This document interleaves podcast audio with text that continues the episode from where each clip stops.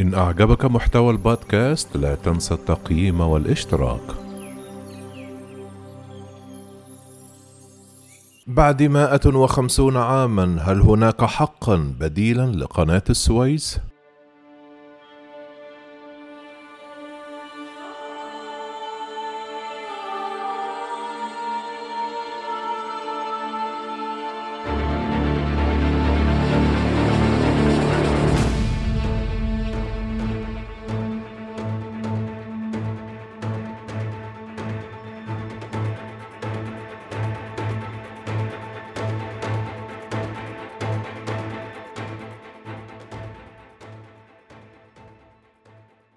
استغلت جهات عديدة حادثة جنوح سفينة الحاويات البنمية العملاقة إيفر غايفن وتعطيلها لحركة مرور السفن عبر قناة السويس وللحديث عن بدائل للممر المائي المهم بالنسبة للتجارة العالمية كما بدأت دول في الترويج لمشروعاتها البحرية.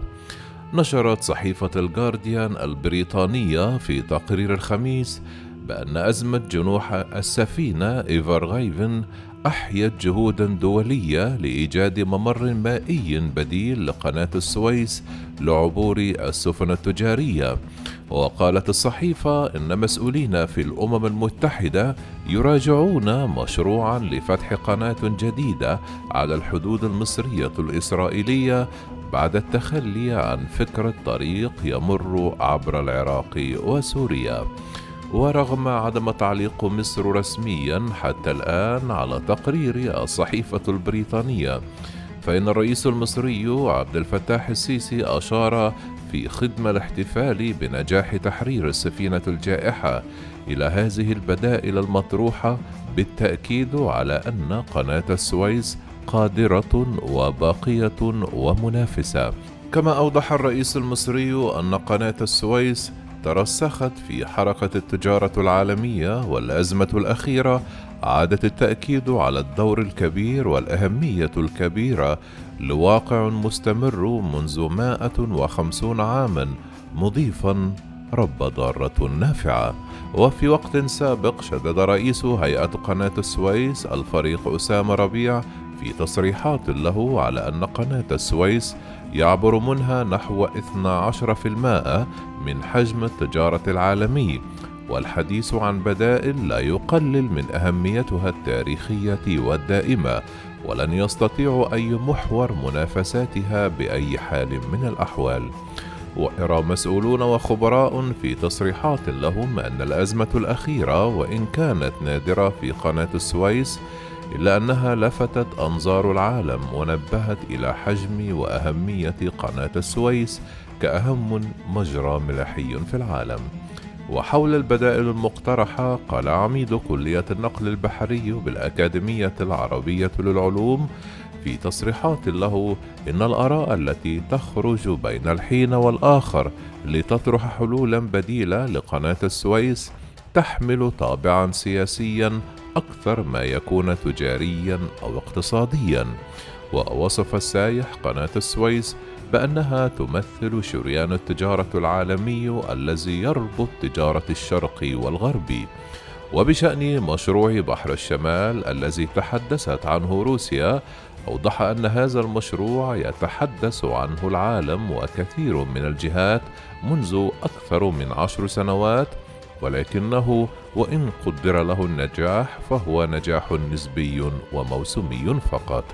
وأرجع ذلك إلى أن ممر بحر الشمال مغطي معظم أيام العام بالثلوج وللإبحار في الثلوج مخاطرة جمة ويحتاج إلى سفن ذات طبيعة خاصة وبأحجام معينة وبالتالي لا يمكن بأي حال من الأحوال أن يكون منافسا قويا لقناة السويس. وبين السايح رغم كل شيء ستبقى قناة السويس. أهم ممر ملاحي وأكثر أمانا لأن القناة بها عوامل أمان كافية. إضافة إلى كوادر بشرية مدربة وذات خبرات عالية وتتبع المنهجية العلمية السليمة في إدارة القناة وعبور السفن بكل القواعد الخاصة بالملاحة الآمنة في الممرات الضيقة.